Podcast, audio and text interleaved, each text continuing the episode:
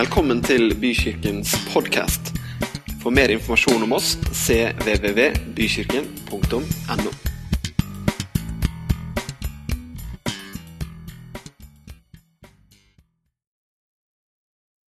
Så bra å være sammen, og ikke minst dere, så er det så bra å dele nattverden sammen.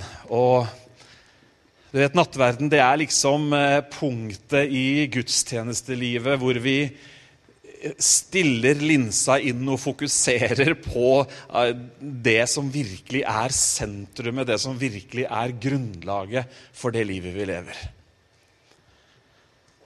Amen. Dere, jeg har, eh, har jo som vanlig noe på hjertet, da. Det er du vant til, ikke sant? Ikke det? Nei. Nei. Men jeg har noe på hjertet.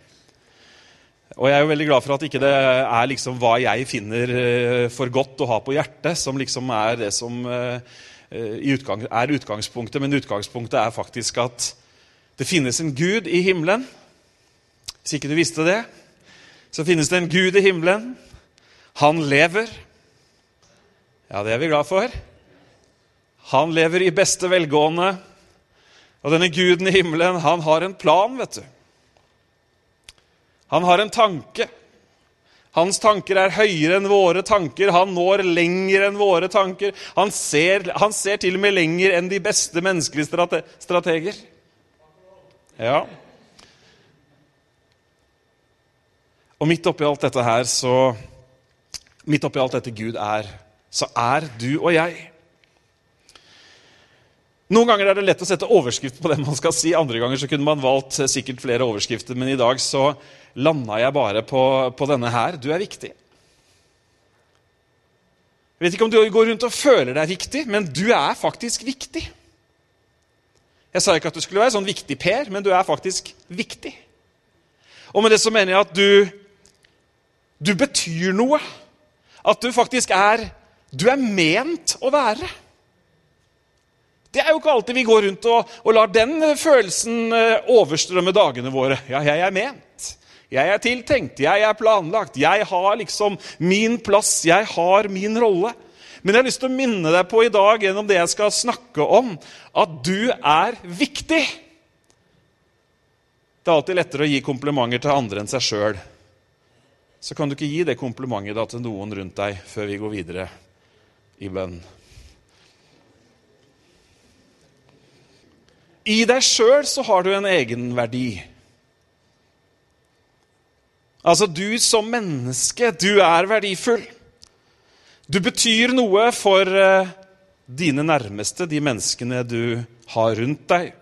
Både familie og i andre sosiale settinger. Du er elsket. Du er betydningsfull. Du spiller en rolle. Både de rollene du vet om at du spiller, og de rollene som du kanskje ikke engang tenker over at du spiller, men du er viktig. Enda mer så er du viktig i Guds øyne. Og det å se seg sjøl sånn som Gud ser en, det gir virkelig et selvbilde det er verdt å styre livet sitt etter. Det gjør deg ikke høy på pæra, men det gjør at du skjønner at du har en hensikt. Alt har sin plass. Og mens dyr og, nei, mens dyr og planter har eh, sin plass et eller annet sted i næringskjeden, og det er jo bra, så er det annerledes med oss mennesker. Jeg vet at man kan tegne mennesket inn i næringskjeden, men det er noe mer. Det er en hensikt. Gud han elsker alle mennesker, og så vil han at du og jeg vi skal leve nært til han, leve i relasjon med han. Og ikke minst så ønsker han også at du og jeg skal leve livene våre i tråd med den planen han har for våre liv. Vi skal be sammen, men jeg må faktisk kaste jakka.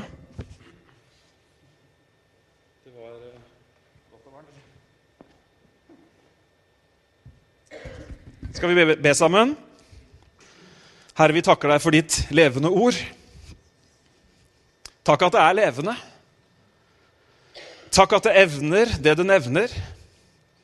Takk at det har liv i seg til å komme gjennom alle de lagene av inntrykk og påtrykk og meninger og trender som vi utsettes for hele tiden, så har det den evnen at det når helt inn i det innerste av oss. Og så forteller det sannheten om hvem du er, om hvem vi er. Det er vi umåtelig takknemlige for. Halleluja. Amen.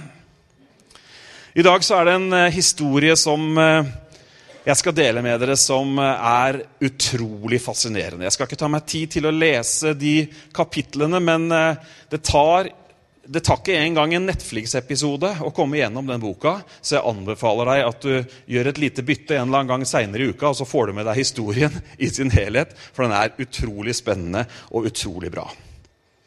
Historien handler om en dame som skjønte at hun var viktig. Ikke først, men plutselig så skjønte hun at hun var viktig. Hun skjønte at uh, livet hennes hadde faktisk større betydning og langt større konsekvenser enn det hun først hadde trodd, selv om hun hadde nådd langt. For hun hadde nådd veldig langt. Det kommer vi litt tilbake til, men vi går litt tilbake i tid, denne historien. Det er eh, 400-500 år før eh, Kristi fødsel. Kong Serkses han er hersker. Han styrer 127 provinser. Han, eh, imperiet strakte seg fra India til Etiopia. Det var 20 satrapier blant de 120 provinsene. og var, Han var en verdenshersker på den tiden. Og sånne herskere de liker jo å vise litt eh, hvorfor de er herskere. Så han inviterer alt som kunne krype og gå av celebriteter, alt som kunne krype og gå av eh, stormenn, statsmenn, ledere og det ene og det andre. Og så holder han dere kjenner historien fra Eisters bok, så holder han et enormt gjestebud. De fester i 180 dager, dere. Og der var det ikke sånne kuponger du kunne bruke i baren. Nei, vet du hva? Han, han, ga tjenerne sine altså instruks for servering av vin. Og det var faktisk mer fornuft i det han sa, enn det jeg som avholdsmann kan oppleve hvis jeg er et sted hvor de serverer alkohol. For da skal du jo gjøre tydelig rede for deg hvorfor i all verden du ikke drikker. Men han ga beskjed til tjenerne sine her skal folk få lov til å drikke så mye de vil, eller så lite de vil. Alt er greit. Det blir lystig lag. Og Serkses han har jo som alle konger han har jo en dronning. Og sånn langt godt ute i selskapet så finner han ut at nå syns han at nå kaller vi på dronningen, eh, gutter, for hun er flott. Varsti het hun. Sende bud. Be dronningen om å komme, men dronningen vil ikke.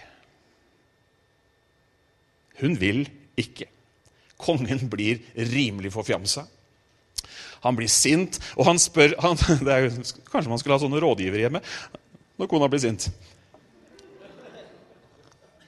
Han, han spør rådgiver Nei, det var, var ikke så jeg mente prinsipielt. Ikke noe sånn. Ja, ja. ja, ja. Altså i alle fall så, men hør på den. Han, det står at han har rådgivere som han spør, og de er sånne mennesker som forstår seg på tiden. Og du vet, Da har du peil på kvinnfolk også. Altså hvorfor de gjør som de gjør, osv. Men de, de gir han et råd. De sier at dette her går ikke an. Hallo, mann! Du kan ikke ha en dronning som ikke hører på det du sier. Hallo, nå har hun akkurat latterliggjort deg overfor alle, egentlig. Og ikke bare tenk på det. Tenk på hva som vil skje når de andre fornemme kvinnene i dette riket som strekker seg fra India til Etiopia, når de finner ut hva som skjer, at dronningen hun sa nei når kongen ba henne om å komme de så jo for seg et kvinneopprør av dimensjoner.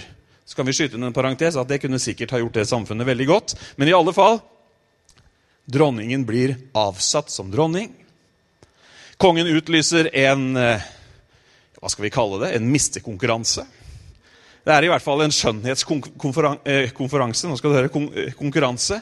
De samler inn alle pene unge damer, for det får han råd om. Og så er det jo en dame, en ung dame som heter Ester blant disse.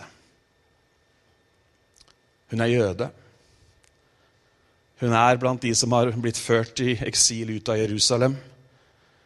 Hun er tatt hånd om av fetteren sin fordi foreldrene er døde. Men det står i Bibelen at hun var meget vakker.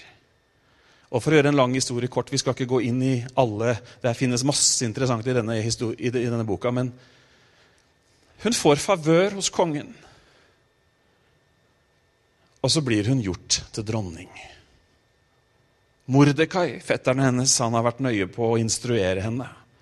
Ikke si hvor du kommer fra. Ikke si hvem du egentlig er. Så går tiden, og det foregår mye rundt i, i denne byen. Og Mordekai, som er en troende, han er en jøde, han nekter å bøye seg når det blir nye påbud om at alle skal bøye seg for kongen. Det oppstår en sånn skikkelig kamp mellom Mordekai og Haman, som er en av kongens nærmeste, mest mektige menn. Og for å gjøre noen hopp til i historien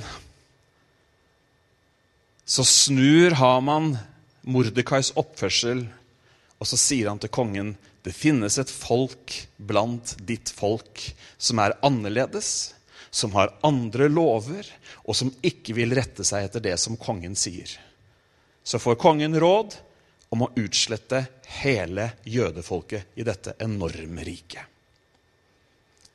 Kongen som dere har skjønt, han har jo mange rådgivere og driver og hører på dem hele tiden også. Så han drar fram signetringen sin, og så stempler han skrivet som sendes med ildbud ut i alle disse provinsene om at jødene skal tas av dage. Et helt folk står på spill. Mordekai, han kler seg i sekk og aske. Han skriker høylytt. Han går så langt som han kan komme inn mot kongens innerste gårde, men kommer selvfølgelig ikke gjennom. Og så kjenner dere historien videre. Hvordan Mordekai tar kontakt med Ester, som er innenfor murene, og sier at nå nå er tiden inne. Nå må du be for folket ditt. Nå kan du faktisk være en redning. Hun blir en redning. Hun blir redningen. Hun blir frelseren, om du vil, for folket. Og fortsatt en dag i dag så feires denne dagen, disse to dagene, blant det jødiske folket, purim, til minne om den gangen Ester gjorde det hun gjorde, og frelste hele folket sitt. Hva er det Ester gjør? Nå skal ikke dette være en historietime om Ester, men jeg tror det er noen ting som Ester møter i sitt liv, som du og jeg møter i våre liv. For akkurat som Ester hadde en hensikt med sitt liv, så har også Gud en hensikt med ditt og mitt liv. Vi er ikke bare tilfeldigheter som kom inn i verdenshistorien på et tilfeldig tidspunkt, men Gud har noe mere. Han har noe spesifikt som er vårt oppdrag, og som er vår hensikt. Ester hadde lykkes, hun. Tenk det, da, å være den som blir valgt til dronning. Hallo, Er det noen som kan lukke øynene og, og fantasere bitte lite grann om hvordan den følelsen der var? Tenk å ha blitt valgt ut blant alle de andre og blitt gjort til dronning. Det var mer enn ett nåløye hun hadde kommet gjennom, for å si det sånn. Landets mektigste kvinne. Hun hadde adgang til kongen, riktignok bare når han ba, han om å komme, ba henne om å komme, men hun hadde nå en gang adgang. Hun hadde skutt gullfuglen, dere og vunnet i Lotto. Hun hadde alt man trenger. Hun var smart. Hun var taktisk. Hun gjorde de rette tingene. Bare en sånn ting, Første gangen hun skulle inn til kongen, så var hun ikke høy på seg sjøl og tenkte 'jeg vet åssen jeg skal forføre en konge'. Nei, hun spurte disse andre hva er lurt å ta med seg, hva er lurt å gjøre. En smart, oppegående ung dame, akkurat som halvparten av forsamlingen her i dag. Amen, ja. Der var det noen som våkna. Det var bra. Kjente seg igjen. vet du. Gjenkjente jeg veldig fint. Men hun, hun, hadde, hun hadde talent. Hun var dronning.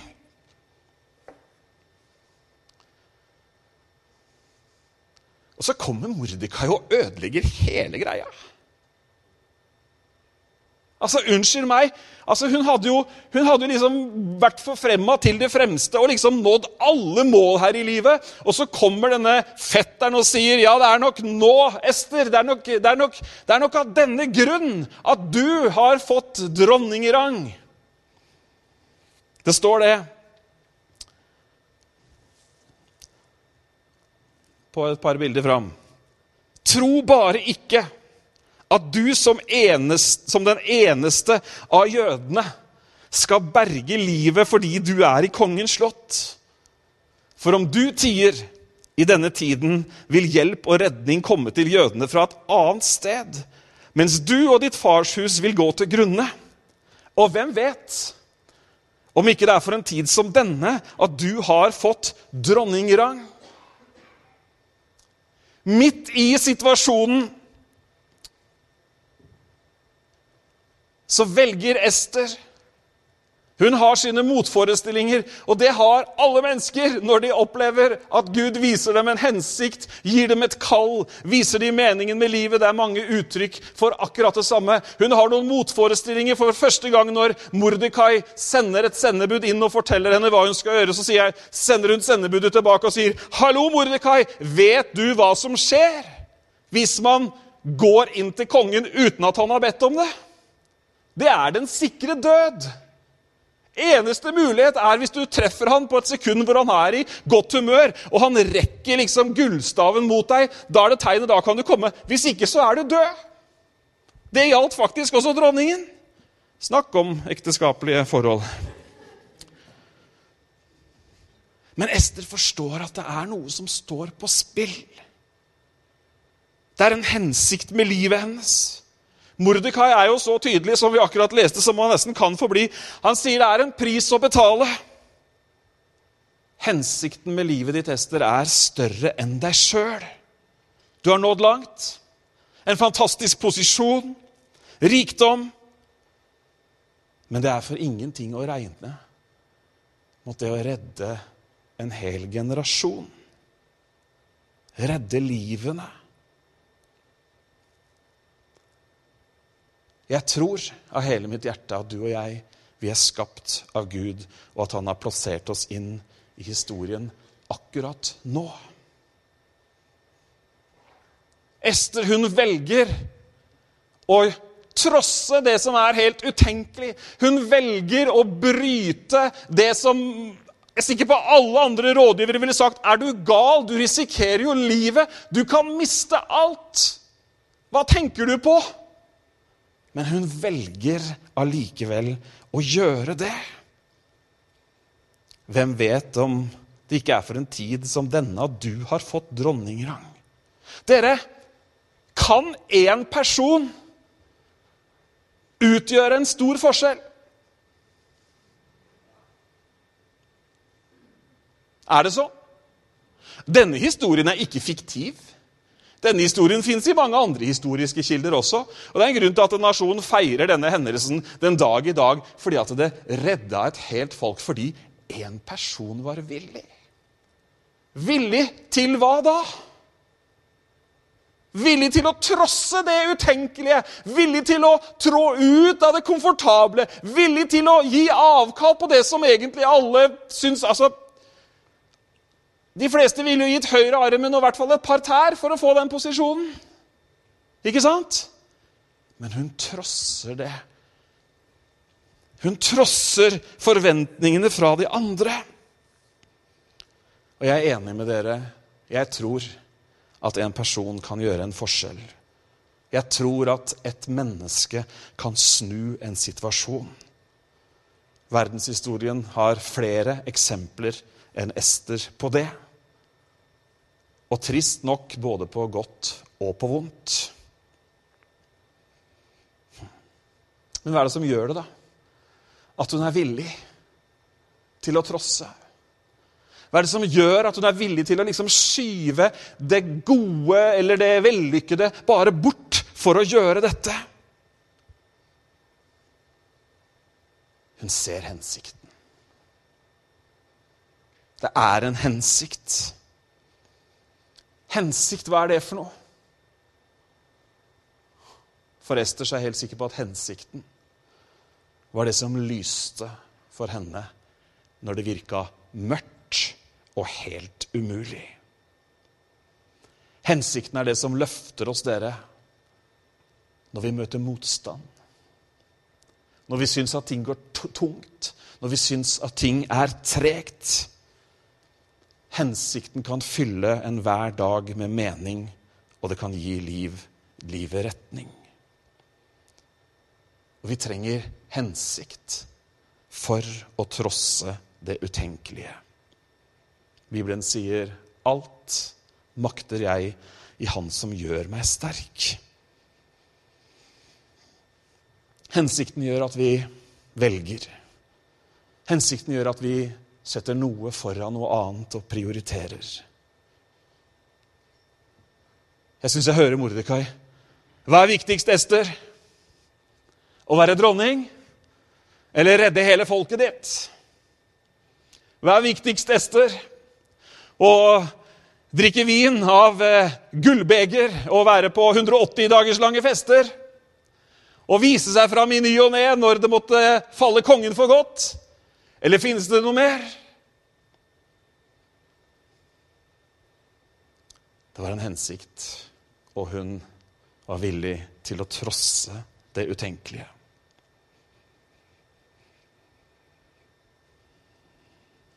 Hva er viktigst i våre liv, da? Nå er jo ikke vi i denne situasjonen. I hvert fall ikke så konkret. Tar du deg tid noen gang til å sette deg ned uten et eneste inntrykk? Det er ikke så lett, da. Et eller annet sted må man være. Men uten, uten de store, store, forstyrrende elementer. Tar du og jeg oss tid til å sette oss ned med akkurat dette spørsmålet? Hva er hensikten? Hva er hensikten med livet mitt?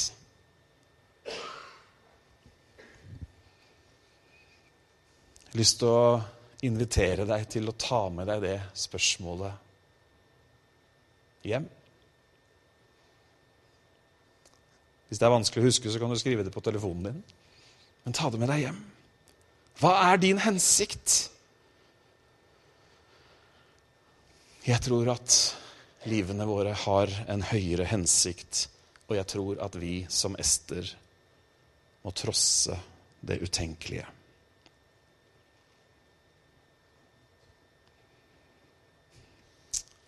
Jeg sa at du skulle ta med deg det spørsmålet hjem.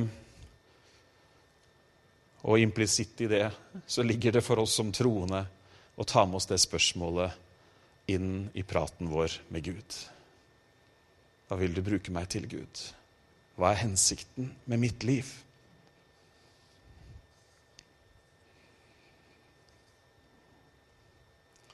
Det er ikke bare at hun trosser det utenkelige, men hun gjør aktivt så gjør hun det umulige. Hva gjør du med dette, Ester? Hva gjør du med situasjonen? Som menneske så er det alltid enkelt for oss å beskrive en situasjon. Har du lagt merke til det? Altså, På den ene eller den andre måten så er vi gode til å beskrive situasjonen. Vi, vi er ganske gode på sånn eh, finn syv feil, finn, finn fem feil, finn ni feil. Altså, Noen som skjønner hva jeg snakker om? Vi er ganske gode på den der analytiske greia. Og, og, og, Ester hun er for så vidt litt sånn på vei. du, 'Nå skal du høre det at det er sånn og det er sånn', og 'dette er ikke mulig', osv. Men hun stopper ikke der. Hun gjør noe med situasjonen. Og jeg tenker, hva slags kaliber var denne unge dama?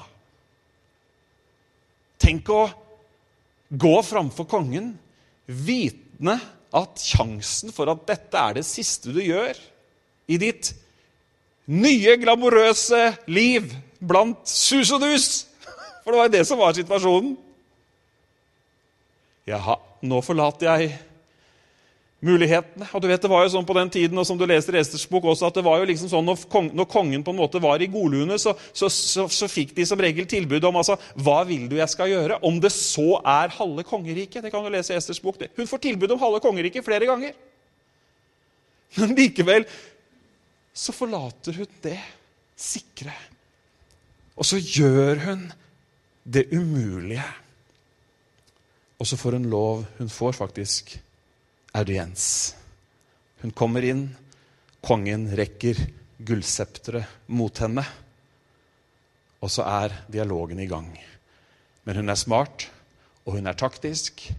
Og hun arrangerer to gjestebud. Dette kan du lese om. Alle kommer til å lese Esters bok når du kommer hjem. Det er spennende, vet du. Hun er denne dama her. Hun er smart, altså. Det er jo et kjennetegn på damer. Og det, hun lager et gjestebud, vet du, og kongen lurer jo på hvorfor altså, altså, Han er ikke vant til at folk kommer kan du si, uten at de er innbudt, så han lurer jo på hva, hva kan jeg gjøre for deg, gjester, hva, hva, hva vil du? Ja, Det skal jeg fortelle litt seinere, men nå må vi ha gjestebud. Og Så blir det gjestebud neste dag også. Og denne Haman, som har prøvd å ta livet av hele folket hennes, eller for at dette, hun sørger for at han også blir innbudt. Og midt oppi dette her, er du med på et lite sprang tilbake?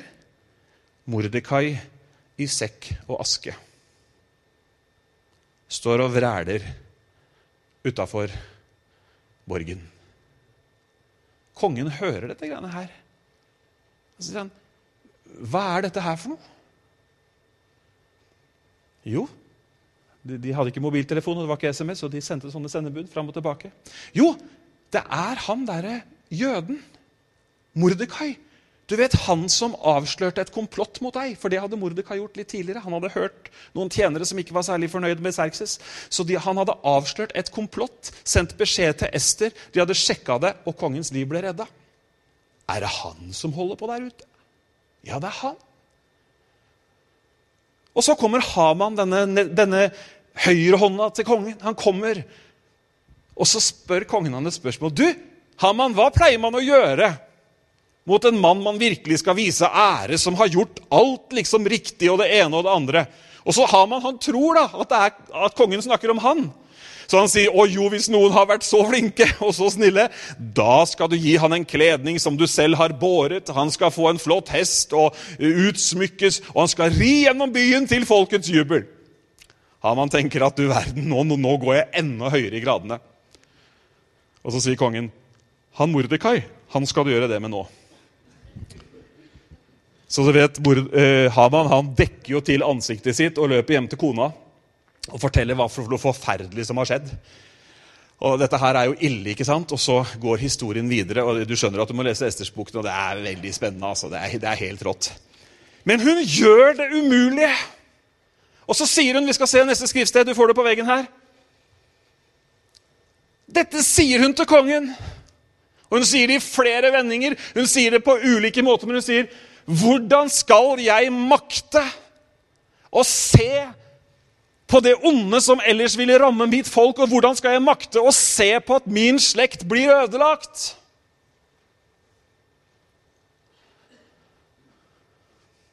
Vi kan jo ta med oss den når vi ser på vår generasjon. Når vi ser på utfordringene som mange står overfor Ja da, det er ikke utstedt noen sånn henrettelsesordre, men det er store utfordringer, dere. Men dette får henne til å gjøre det umulige, for hun kan, ikke, hun kan ikke stå stille og se på at dette skjer. Hvordan skal hun kunne makte det?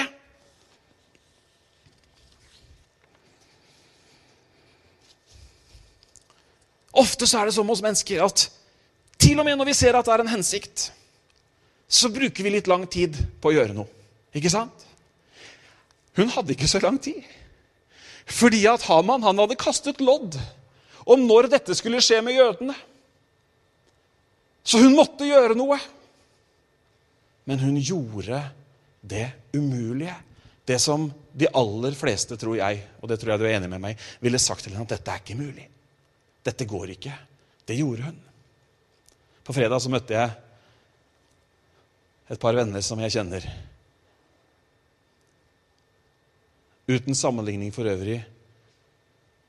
Men de har faktisk gjort det litt sånn umulig. Det er ikke så umulig, da. Men de har i veletablert alder, med et drømmehus som Ja, du, du kan bare drømme om det. Da selger de hele greiene, og så flytter de til et nytt sted. Fordi at eh, de tror at livet deres har en hensikt som er større enn en bankkonto som skal åpnes via et testamente. Fantastisk spennende å møte sånne folk. Som har så løse plugger. Som er så bevisst på denne hensikten. at jeg, jeg, fikk, Det var på en konferanse, jeg fikk ikke snakka så lenge med det, men jeg, jeg, skal jo ringe de til uka. for har jo, de, de, har gjort noen sånne ting før også et par ganger, hvor du liksom Ok, gjør dere det? Du verden. Det er dere de eneste jeg vet om. Så hørte jeg om noen andre her. Jeg snakka med noen som var på besøk her en søndag, som fortalte om om sønnen deres og svigerdattera som, eh, som, skulle ta et lengre opphold i en eller annen skole eller et eller annet, jeg tror det var i Israel.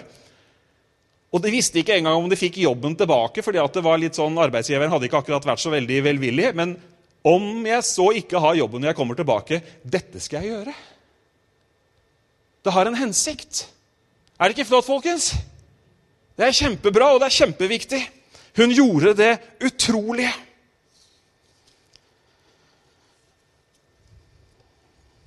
Jeg syns det er så fint det spørsmålet 'Hvem vet?'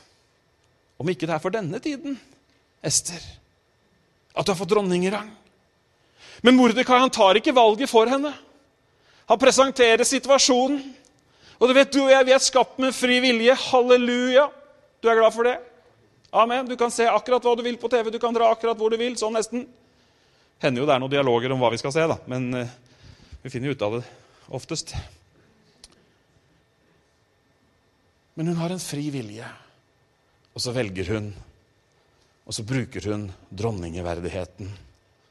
Dere, det er nå vi kan si noe. Det er nå vi kan gjøre noe. Det er nå vi kan utgjøre en forskjell. Har du tenkt på Har du tenkt på at de ordene de få setningene noen ganger som du sier til en kollega eller til en nabo, kan utgjøre en forskjell mellom liv og død. En invitasjon. Jeg snakka med en her for en stund siden. Han, han var helt forfjamsa for han hadde, han hadde stilt ei dame som han ikke hadde sett ofte engang, eller som var en sånn litt veldig fjern bekjent. 'Har du lyst til å bli med i kirka på søndag?' Og du vet det mest forunderlige? Det var jo et kjempemirakel som skjedde der og da. Hun sa ja. Og han jeg snakka med, han var helt sånn derre Å, du verden. Tenker vi, tenker vi på at de ordene vi deler, i apostlenes gjerninger så omtales de som ord som de kan bli frelst ved. Fantastisk. Dere, vi har en plass. Vi har en hensikt. Vi utgjør en forskjell. Oppdraget er gitt oss.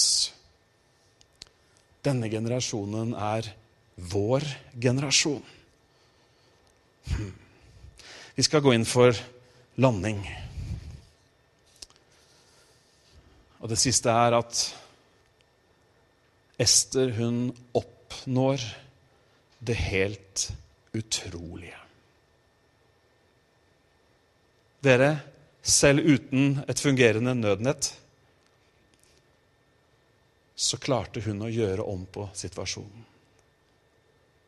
Skrivene med kongens stempel hadde gått med ildbud utover hele provinsen. Folk la seg i sekk og aske.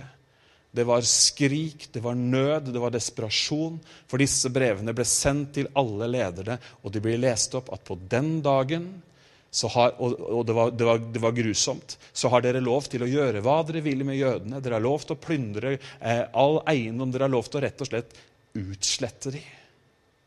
De bare venta på dagen. De venta på startskuddet.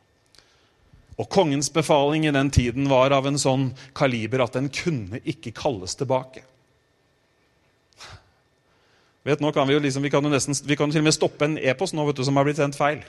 Vi kan kalle ting tilbake, og vi kan ja nei, nå har vi gjort en feil, og vi tar en ny runde. Nei, på den tiden så var det helt umulig. Så Mordekai, som jo fikk fin kappe og ble veldig stor i dette riket, han tok ansvaret for ordlyden. Han tok ansvaret for hva det skulle stå. Og løsningen ble Kanskje jeg ikke skal røpe det, for da må jo du lese. For hva gjør du, da? Det var jo sendt ut. De kunne ta seg av dage.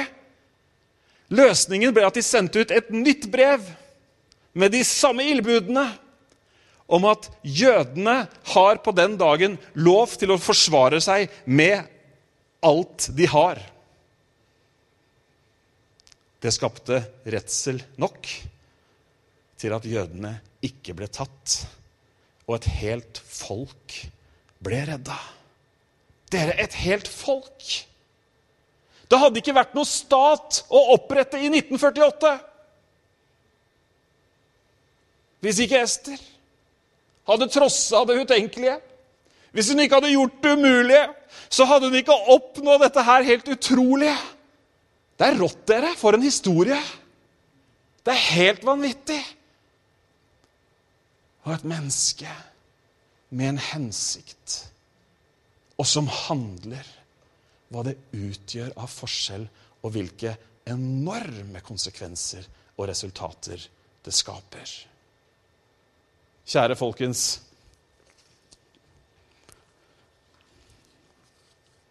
Vi må, vi må lese det verset òg. Har du ikke det her? Jo.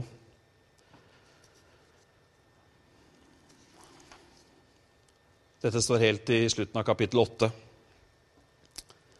Hos jødene var det lys og glede, fred og herlighet.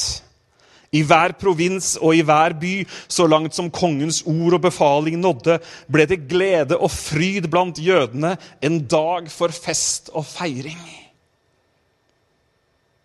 Hva vil skje i våre omgivelser som, som et resultat at vi lever ut vår gudegitte hensikt? Vet du hva? Det blir liv og glede. Til og med i trauste, kalde, våte Norge så blir det liv og glede når evangeliets lys får stråle inn i menneskers liv. Amen. Dere er jordens salt og verdens lys. Det er deilig dere å kunne leve under en større himmel enn vårt eget stuetak. Amen. Det er deilig å kunne vite at vi er kobla på en stor og en mektig, levende Gud. Og han sier til deg i dag, håper jeg, at med mine ord at han har minna deg på at du er viktig. Du har en hensikt. Og dere, jeg vet ikke hva hensikten til alle er.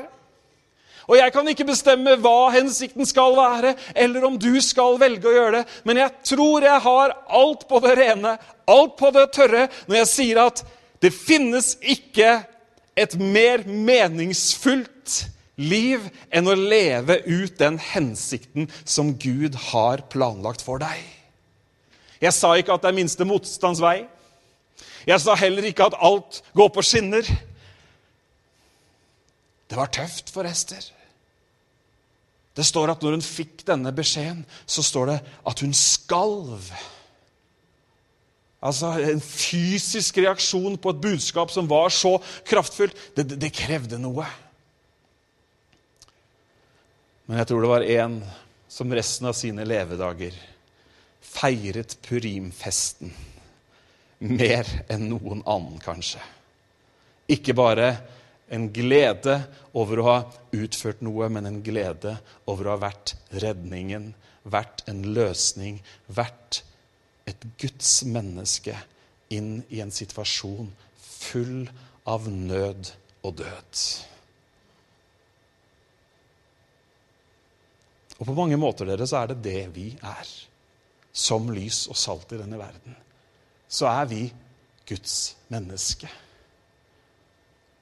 Vi er Guds representanter. Vi er Vi er det nærmeste de kommer, dere, inntil videre. Har du tenkt på det? De som, er, de som bor nærme meg, de som jeg møter Svært sannsynlig så er jeg kanskje det nærmeste de har vært. Vi har en hensikt. Halleluja. Skal vi reise oss opp, alle sammen?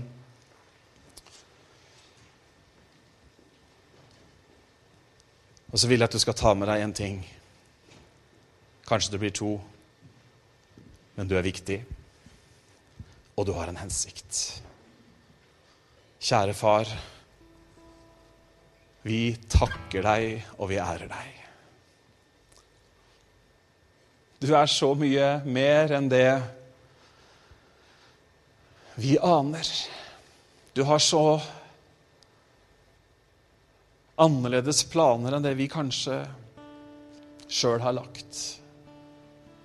Men Herre, du kaller oss nær til deg. Du sier, 'Kom og følg etter meg'. Vær mine disipler. Vær min stemme, vær min hånd. Vis min godhet, vis min nåde. Forkynn de gode nyhetene for alle mennesker. Vi takker deg, Jesus.